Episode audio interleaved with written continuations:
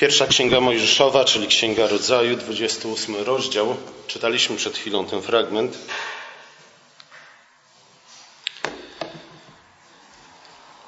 Jakub udaje się na północ do Haranu, to jest mniej więcej południowo-wschodni zakątek obecnej Turcji, do swojego wuja Labana. Było to miejsce, w którym rodzina Abrahama zatrzymała się w drodze z Ur Chaldejskiego do ziemi obiecanej. Część rodziny została w Haranie. Abraham ze swoim domostwem udał się dalej do ziemi obiecanej. Jakub udaje się do Labana ze względu na to, iż jego ojciec nie chce, aby ożenił się z poganką. O tym problemie Pismo Święte mówi bardzo wiele. W gruncie rzeczy potop miał miejsce właśnie dlatego, ze względu na mieszane małżeństwa. Oczywiście chodziło tam o coś więcej, ale między innymi to był ten problem. Przy czym dzisiaj nie będę mówił wiele na ten temat, dlatego że historia dotyczy czegoś nieco odmiennego. Przed wyruszeniem w drogę Jakub otrzymuje błogosławieństwo od swojego ojca. To tyle na temat tego, czy Jakub rzeczywiście uczynił źle, oszukując swojego ojca, czy raczej, czy raczej nie. E, I chyba jednak raczej nie, ze względu na to, że Izaak powtórzył, w pełni świadom tego, komu udziela błogosławieństwa, powtórzył swoje błogosławieństwo wobec Jakuba. I w tym błogosławieństwie zawarł te wszystkie elementy, które wcześniej otrzymał od Pana Boga Adam, później Noe, później Abraham. Była to przede wszystkim obietnica potomstwa, obietnica ziemi, całej ziemi, nie tylko ziemi obiecanej, a także obietnica powodzenia we wszystkim, co potomkowie Abrahama przedsięwzną, przed, przed postanowią. Jakub zatrzymał się na noc niedaleko miasta Luz, które później otrzymało nazwę Betel, czyli dom Boga. Ciekawe jest to, że ta miejscowość pojawia się wielokrotnie w Piśmie Świętym. Czytamy o niej między innymi przy okazji historii Abrahama. Było to jedno z tych miejsc, w których Abraham zatrzymał się, obchodząc całą ziemię obiecaną. W tych miejscach, w tym miejscu Abraham zbudował ołtarz i oddał Bogu cześć.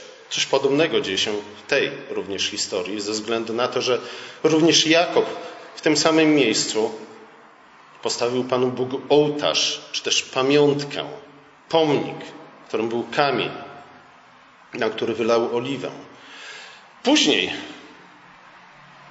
dygresja, później w tych wszystkich miejscach, które odwiedził Abraham, które, w których Abraham zbudował ołtarze, w których składał Bogu ofiary i oddawał mu cześć, Izraelici odnosili zwycięstwa militarne, walcząc z Kananejczykami. Nie? To tyle na temat tego, że to, co robimy w niedzielę na nabożeństwie, co przez wielu bywa nazywanym liturgicznym mistycyzmem, nie ma żadnej, żadnego przełożenia na naszą codzienność. Nie. Historia Abrahama, historia Jakuba, historia Izraela pokazuje nam, że, że jest dokładnie na odwrót. Nie? Że to właśnie nabożeństwo jest podstawą wszelkiego naszego działania w świecie i nabożeństwo jest podstawą wszelkich naszych prawdziwych, realnych, rzeczywistych sukcesów w świecie. Jakub kładzie się spać. Później się budzi. Wszystko, o czym dzisiaj czytaliśmy, dzieje się w nocy. Wiele rzeczy bardzo ważnych dzieje się w nocy. Z Abrahamem Pan Bóg zawarł przymierze właśnie w nocy. Abraham również zasnął i o północy ukazał mu się Bóg i zawarł z nim przymierze. E, sąd nad Egiptem dokonał się kiedy? W nocy. Pierwsza Pascha, kiedy anioł śmierci przeszedł przez Egipt, wytracając pierworodnych Egiptu, a jednocześnie uwalniając pierworodnych Izraela, także przeszedł przez Egipt w nocy. Chrystus. Z jednej strony Chrystus został krzyżowany z rana i umarł po południu, ale wiemy, że ten dzień, kiedy umierał Chrystus, zamienił się w noc. Słońce się zaćmiło i nastała ciemność. Adam otrzymał Ewę, kiedy spał. To było w nocy. Noc jest tym czasem przejścia w Piśmie Świętym. Przejścia od jednego do drugiego. Bardzo wiele ważnych wydarzeń dokonuje się w nocy. Dlaczego w nocy?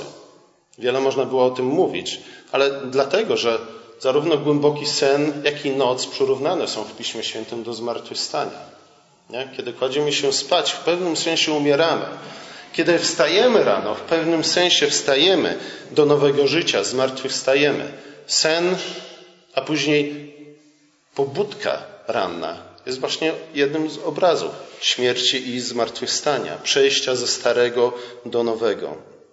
W pewnym sensie nabożeństwo, które odbywa się co prawda niemalże w południe, jest właśnie takim czasem, czasem nocy, a dokładnie północą, kiedy spotykamy się z Panem Bogiem w szczególny sposób. Nie? Kiedy Pan Bóg przychodzi do nas po to, aby odnowić z nami swoje przymierze. Także miejsce, nie tyle miejsce, w którym Jakub zasnął, ale miejsce, do którego się udawał, a więc Haran, jest szczególnym miejscem, jest miejscem przejściowym, jest symboliczną pustynią. I w tym sensie pełni podobną funkcję jak właśnie noc w Piśmie Świętym. To, to miejsce, Haran, a dokładnie cała kraina Padana Ram, było miejscem, w którym Abraham zatrzymał się na jakiś czas w drodze z Ur Chaldejskiego do ziemi obiecanej. Podobny sposób Izrael musiał spełnić, spędzić 40 lat na pustyni. Pomiędzy wyjściem z Egiptu, wyzwoleniem z niewoli, a wejściem do ziemi obiecanej. Jezus spędza 40 dni na pustyni, nie tylko po to, aby nawiązać do historii Izraela, ale właśnie dlatego, że jest to ten moment przejściowy między jego, moglibyśmy nazwać, normalnym życiem, dotychczasowym życiem, a nowym, bardzo ważnym etapem w jego życiu, jakim była trzyletnia misja tutaj na ziemi.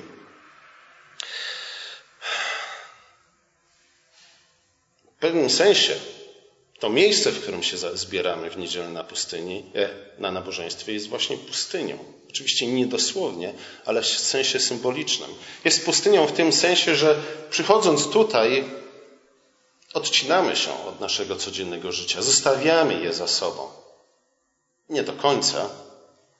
Przynosimy tutaj na nabożeństwo nasze grzechy, Przynosimy na nabożeństwo różne nasze doświadczenia, przynosimy na nabożeństwo nasze dziękczynienie i, i prośby modlitewne, przynosimy nasze dziesięciny, przynosimy chleb i wino, ale w pewnym sensie opuszczamy nasze codzienne życie po to, aby spędzić jakiś czas w tym miejscu, zgromadzeni jako lud Boży wokół stołu Pańskiego, szczególny czas. Czas, w którym Pan Bóg spotyka się z nami w szczególny sposób, po to, aby odnowić swoje przymierze ze swoim ludem. Nie? Nabożeństwo jest symboliczną północą i symboliczną pustynią. Jest tą okazją do tego, aby w pewnym sensie zdystansować się do świata, zdystansować się od naszego codziennego życia, wrócić do miary, nie? na nowo zorientować się w naszym życiu, po to, abyśmy mogli na powrót wrócić, wrócić do naszych codziennych zajęć. Ale odnowieni, odświeżeni, pouczeni, wzmocnieni przez Pana Boga, a przede wszystkim natchnieni nową nadzieją. Ze względu na to, że nadzieję bardzo łatwo jest stracić. Zwłaszcza jeśli przebywamy zbyt długo w tym świecie. Jeśli zbyt często opuszczamy właśnie ten szczególny czas, to szczególne miejsce, tą symboliczną północ, symboliczną pustynię, jakim jest nabożeństwo, Widzicie, same obietnice Boże nie wystarczą nam. Bóg daje nam swoje obietnice i dając nam swoje obietnice wzbudza w nas różnego rodzaju nadzieje. Ale jeśli zbyt długo przebywamy poza tym szczególnym miejscem, jeśli zbyt długo zaniedbujemy to, co nazywamy między innymi odnowieniem przymierza, te obietnice powoli zaczynają zacierać się w naszej pamięci, albo jeszcze gorzej, zaczynamy coraz bardziej wątpić w te obietnice. Zobaczcie, pierwszy raz Bóg dał obietnicę ludziom w ogrodzie, jeszcze przed upadkiem. Później dał obietnicę po upadku. Ale później wiele złych rzeczy się wydarzyło, i w związku z tym bardzo łatwo można było zwątpić w to, czy rzeczywiście Bóg zamierza spełnić to wszystko, co nam obiecał. Bóg dając nam swoje obietnice rozbudza w nas wielkie nadzieje, ale jeśli te nadzieje nie zostaną spełnione, to oczywiście nadzieja ustępuje miejsca zwątpieniu. A zwątpienie z kolei prowadzi do rozczarowania. Rozczarowanie prowadzi do czego? Do złości, do gniewu, do agresji, do zwrócenia się przeciwko Panu Bogu. Dlatego tak bardzo ważne jest to, abyśmy gromadzili się przy stole pańskim w czasie i w dniu wyznaczonym przez, przez Pana, po to, aby nasza nadzieja została odnowiona, aby nasza nadzieja została wzmocniona, aby Pan Bóg potwierdził obietnice, które nam dał. W pewnym sensie dokładnie to Bóg czyni w tej historii. Jakub zapada sen, Bóg zsyła mu wizję drabiny, drabiny, po której aniołowie Ciekawe. Najpierw wstępują do nieba, a potem wstępują. Dlaczego nie na odwrót?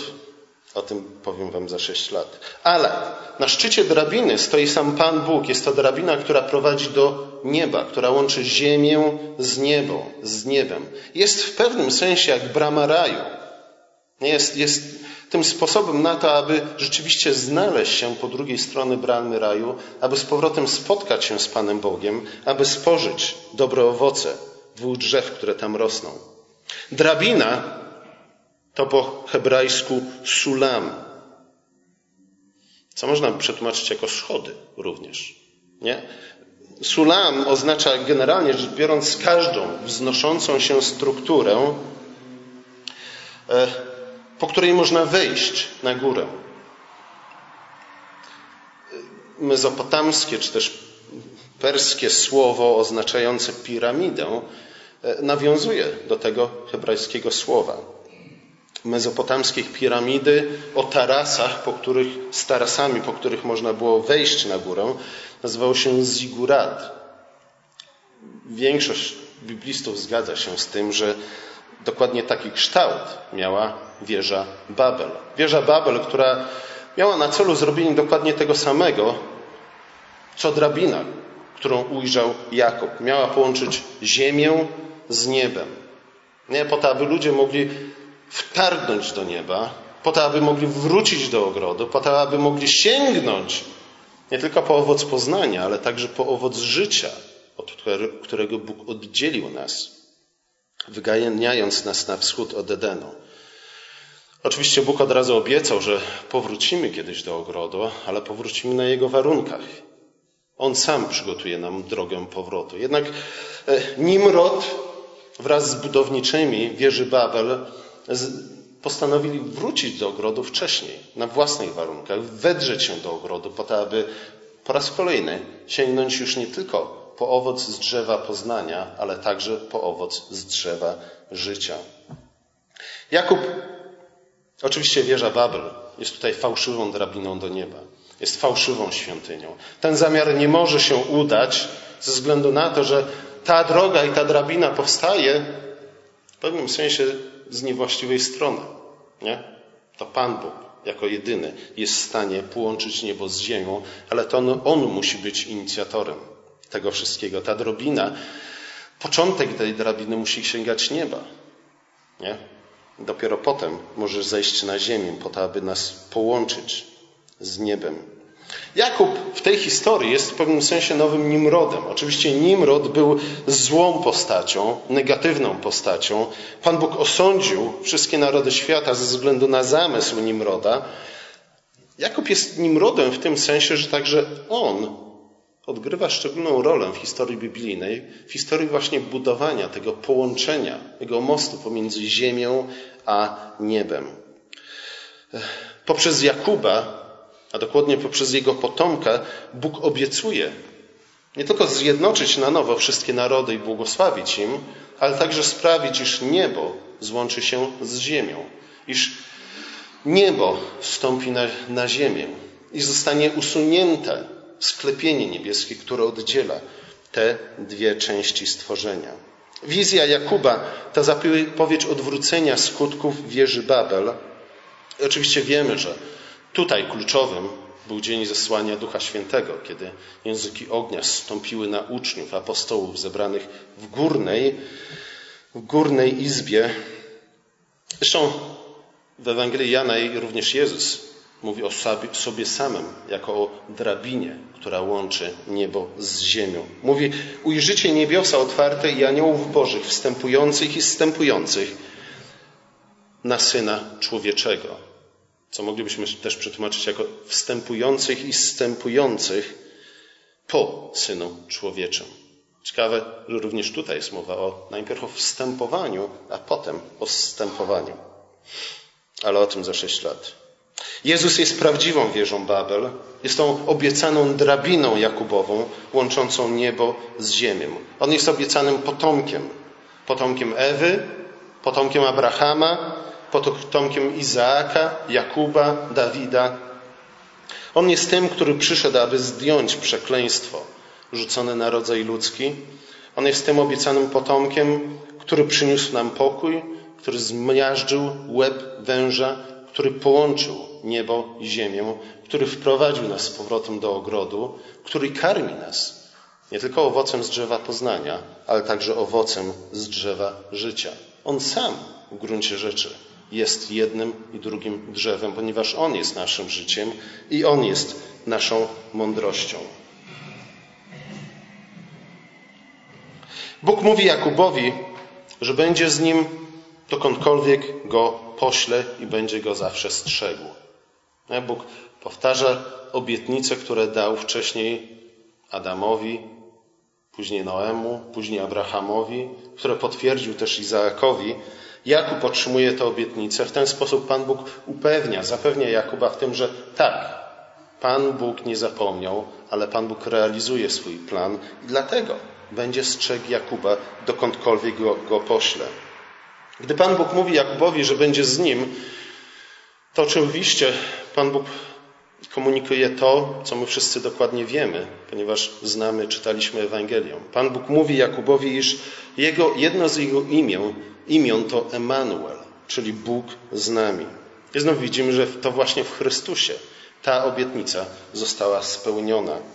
Kiedy Pan Bóg mówi, iż będzie strzegł Jakuba dokądkolwiek pójdzie, mówi jednocześnie, że jest prawdziwym Bogiem, jest Bogiem o wiele mocniejszym i potężniejszym, jest Bogiem uniwersalnym w przeciwieństwie do bóstw pogańskich. Bóstwa pogańskie, przynajmniej w tamtych czasach, zawsze były bóstwami lokalnymi. Gdy ktoś przenosił się do innego kraju, musiał znaleźć sobie nowe bóstwo, bóstwo tego kraju, któremu powinien zacząć oddawać cześć, żeby to bóstwo go strzegło. Pan Bóg jednak mówi, że będzie z Jakubem dokądkolwiek go, go pośle. I mówi, nie jestem bóstwem lokalnym, jestem Bogiem uniwersalnym. Jestem wszędzie. Jestem wszechobecny, jestem wszechobecny, wszech, wszechmocny ze względu na to, że ja jestem Stwórcą i Panem całego stworzenia i dlatego, Jakubie, możesz mi zaufać, niezależnie od tego, gdzie się znajdziesz i w pewnym sensie też niezależnie od tego, w jakich okolicznościach się znajdziesz. Nie? Dlatego, że jestem Bogiem uniwersalnym również w tym sensie, nie tylko w tym sensie, że jestem wszędzie, ale także w tym sensie, że moje panowanie dotyka całej rzeczywistości. Nie jestem Bogiem tylko żeglarzy, nie jestem Bogiem tylko górników, nie jestem Bogiem tylko policjantów i nie jestem Bogiem tylko złodziei, nie? Ale jestem Bogiem wszystkich ludzi na każdym zakątku świata. Wszystkie te obietnice oczywiście Pan Bóg dał już wcześniej Adamowi, Noemu, Abrahamowi, Izaakowi. Teraz potwierdza to Jakubowi. Wydaje się, że, że było to bardzo ważne dla Jakuba, dlatego że z jednej strony udawał się do swojego wuja, ale z drugiej strony były to dalekie krainy, a swojego wuja nie za bardzo znał. A wszyscy wiemy, jak to bywa z rodziną i z bliskimi. Nie? Czasami trzeba ustawić się na skraju zdjęcia po to, żeby móc się e, wyciąć z tego zdjęcia. Oczywiście zazwyczaj bywa inaczej, ale z rodziną bywa różnie. Tak jak ze Związkiem Radzieckim, nie? który był naszym bratem, niestety, a nie przyjacielem. Bracie się nie wybiera, wybiera się tylko przyjaciół. Pismo Święte oczywiście zachęca nas do tego, aby bracia byli przyjaciółmi, ale ze względu na grzech, ze względu to, co wydarzyło się w ogrodzie, nie zawsze tak bywa. Jakub udaje się do swojego wuja, tam znajdzie sobie żonę, ale nie za bardzo wie, czego tam oczekiwać. Oczywiście Jakub udaje się do swojego wuja, obdarzając go pewnym kredytem zaufania, w końcu jest to rodzina. Ale wydaje się, że nawet jeśli, jeśli Jakub miał jakieś wątpliwości co do tego, co go tam spotka, my, którzy znamy tę historię, wiemy, że te wątpliwości były uzasadnione. Dlatego, że wuj okazał się być jego wrogiem. Nie? Ten, który miał być mu bliski, okazał, okazał się być jego przeciwnikiem. E, koniec końców Jakub spędził 20 lat. Nie tyle u wuja, czy u swojego nowego pana, będąc niewolnikiem. Przez 20 lat pracował, wykonując niewolniczą pracę dla wuja, który oszukał go, a mógł go oszukać właśnie dlatego, iż był jego wujem. Gdyby to był człowiek obcy, Jakub pewnie trochę inaczej postąpiłby od samego początku w stosunku do swojego wuja. Tak jednak nie było. Dwadzieścia lat niewoli u tego, u którego miał znaleźć spokojną przystań. Nie? U tego, który miał otworzyć mu swój dom w myśl zasady gość w domu, Bóg w domu. A tym bardziej, jeśli przyszedł jego bratanek odwiedzić go.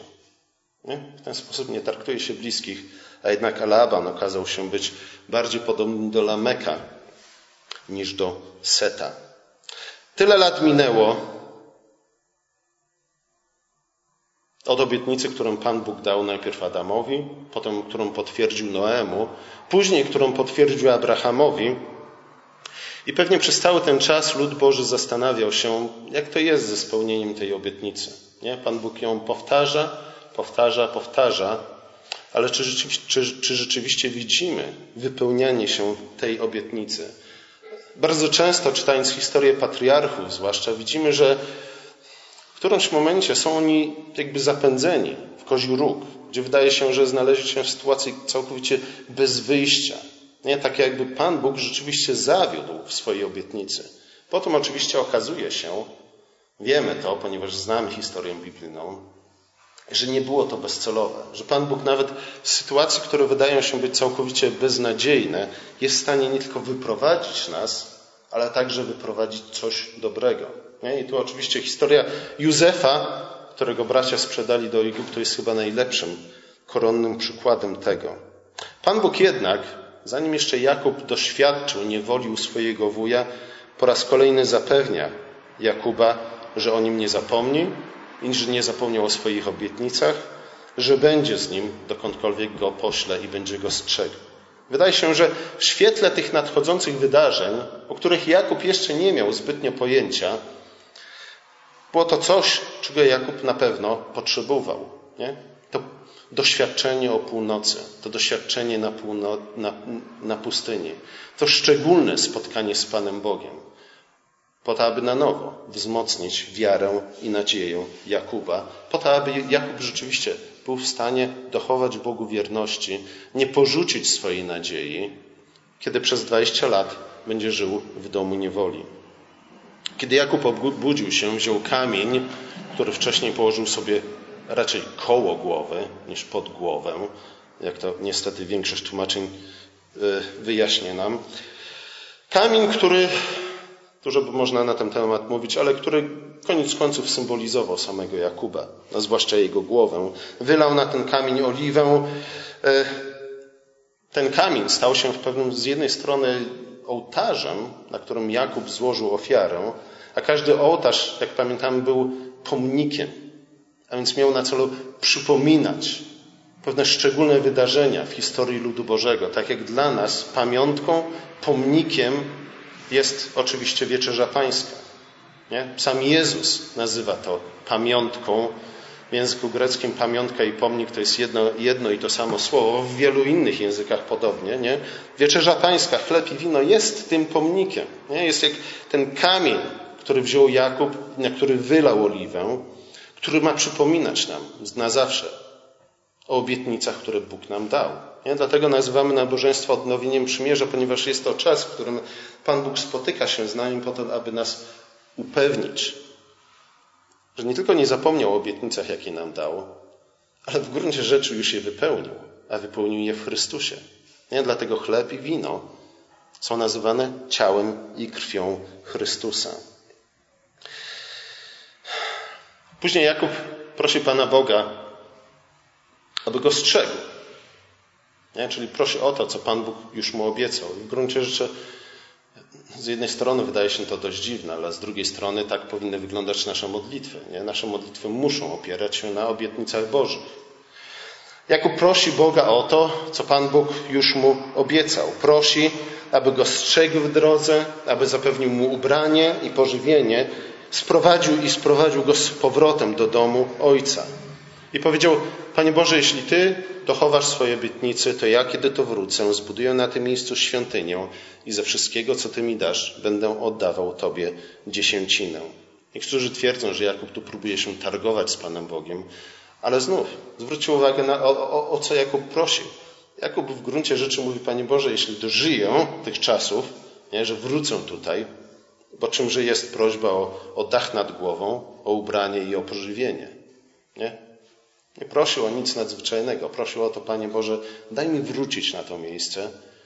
Nie, jeśli wrócisz, jeśli wrócę, zgodnie z obietnicą, jaką mi dałeś, w tym miejscu postawię świątynię i będę Ci oddawał dziesięcinę we z wszystkiego, co mi dasz. Nie? I ta dziesięcina, którą my też oddajemy w czasie nabożeństwa, jest właśnie przypomnieniem. Nie? Jest tą naszą interakcją z Panem Bogiem.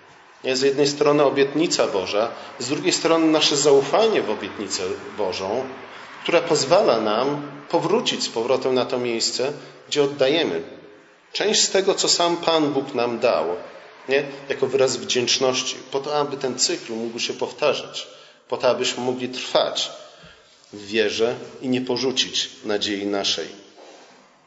Te 20 lat spędzone przez Labana, przez Jakuba o Labana były oczywiście taką słodko-gorzką mieszanką, jak zupy chińskie.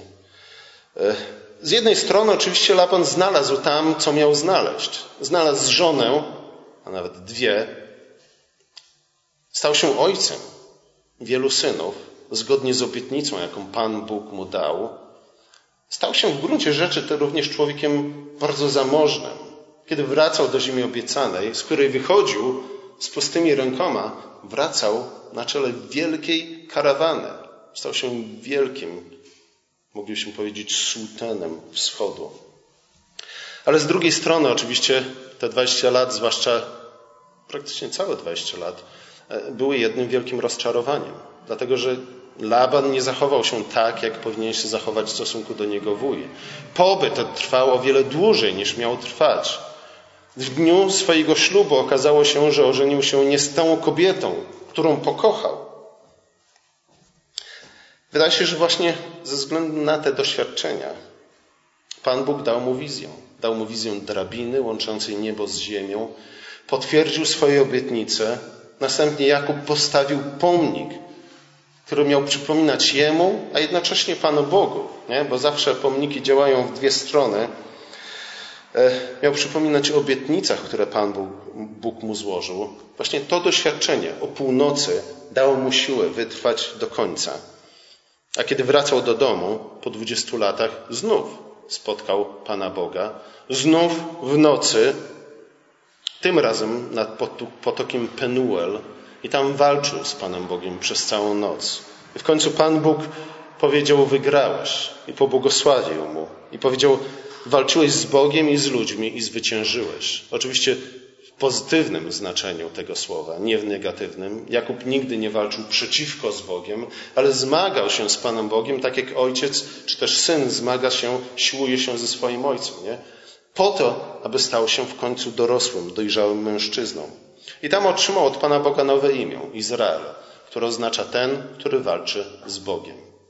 I znów, Izrael w swojej historii na wiele różnych sposobów walczył z Panem Bogiem, ale to pierwotne, podstawowe znaczenie tego imienia, które otrzymał Jakub, a później Izrael, wszyscy jego potomkowie, e, właśnie ma kierować naszą uwagę do tych wydarzeń nad potokiem Penuel. Jakub wyszedł z domu z pustymi rękoma i szedł do domu, który miał okazać się domem niewoli, w którym spędził sporą część swojego życia 20 lat. Jakub żył trochę dłużej niż ktokolwiek z nas będzie żył, niemniej jednak 20 lat to szmat czasu. Pan Bóg jednak dotrzymał obietnicy i wyprowadził go na wolność z liczną rodziną, z wielkim majątkiem, sprowadził go z powrotem do ziemi obiecanej. Izrael wiele razy poszedł tą właśnie drogą. Wiele razy musiał opuścić dom swojego ojca i udać się do obcych krajów. Również my często musimy udać się tą drogą, udać się do krainy, której nie znamy, spotkać się z ludźmi, których nie znamy. Nie wszyscy oni okażą się być ludźmi godnymi zaufania. Nie wszyscy oni okażą się być dobrymi Samarytaninami w stosunku do nas. Dlatego też każdej niedzieli Pan Bóg zaprasza nas na swoją świętą górę, zaprasza nas do tego górnego pokoju, zaprasza nas, ukazuje nam się w wizji w, tej, w czasie tej symbolicznej nocy, wyprowadza nas na tą symboliczną pustynię po to, aby odnowić z nami swoje przymierze, aby zapewnić nas o swojej przychylności i wierności, aby zapewniać nas o tym, że On jest Emmanuel, że On jest Bogiem, który będzie z nami zawsze i wszędzie, dokądkolwiek nas pośle. Zaprasza nas, aby przypomnieć, potwierdzić obietnice, jakie dał, abyśmy przy Jego stole mogli spożyć pamiątkę wieczerzy, nie? Tę pamiątką podobną do tęczy z dni Noego, którą ustanowił sam Pan Bóg, mówiąc, kiedy spojrzę na ciało i krew mojego Syna, wspomnię, wspomnę na przymierze, które zawarłem z wami poprzez Jego śmierć. I później wysyła nas z powrotem. Czasami wracamy do miejsc i do ludzi, których doskonale z nami, znamy i przez tydzień czy przez dłuższy czas nie spotyka nas nic, co mogłoby nas zaskoczyć. Ale często posła nas w drogę tak jak Izaak posłał Jakuba. Niby w miejsce, które powinno być mu znane, niby do ludzi, którzy powinni go przyjąć z otwartymi ramionami, a jednak zdarzyło się inaczej. Bóg czasami posyła nas w takie miejsca. Miejsca, na których w których możemy spotkać różne rzeczy i różnych ludzi nie zawsze nam przychylnych. A kiedy będziemy szli tą drogą, czy też kiedy będziemy szli w to miejsce, w które posłał nam, nam nas Pan Bóg, powinniśmy zawsze wracać myślami do tego, co miało miejsce podczas nabożeństwa, do tego, co miało, miało miejsce właśnie w czasie tej symbolicznej nocy, na tej symbolicznej pustyni. Powinniśmy wracać naszymi myślami do tego szczególnego spotkania z Bogiem, po to, abyśmy nie utracili, nie porzucili naszej nadziei, nadziei po to, abyśmy mogli wrócić z powrotem na to samo miejsce, w tym samym czasie, jeszcze raz spotkać się z naszym Panem, przynosząc Mu część z tych dobrych darów, którymi obdarzył nas w czasie naszej wędrówki.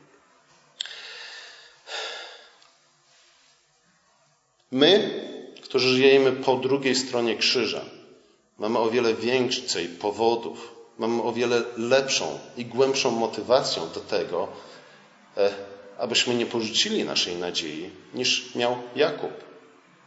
No historia Jakuba była, Jakub żył w dawnych czasach. Wiele się wydarzyło do jego czasu, ale żył przed Chrystusem. W Chrystusie ujrzeliśmy ten ostateczny dowód tego, że Pan Bóg jest wierny swoim obietnicom że On spełni je, spełnia je nawet za cenę własnego życia i śmierci. Nie? O tym przypomina nam stół pański każdej niedzieli, że Bóg jest wierny i będzie z nami dokądkolwiek nas pośle. Z drugiej strony pamięć ludzka jest zawodna. Nie? Dlatego warto jest e, nie tyle liczyć na naszą pamięć, iż będziemy pamiętać o tych obietnicach po roku, po dwóch, po dziesięciu latach nie spotkają się z Panem Bogiem, nie? W tym szczególnym miejscu, w tym szczególnym czasie, w szczególny sposób. Amen.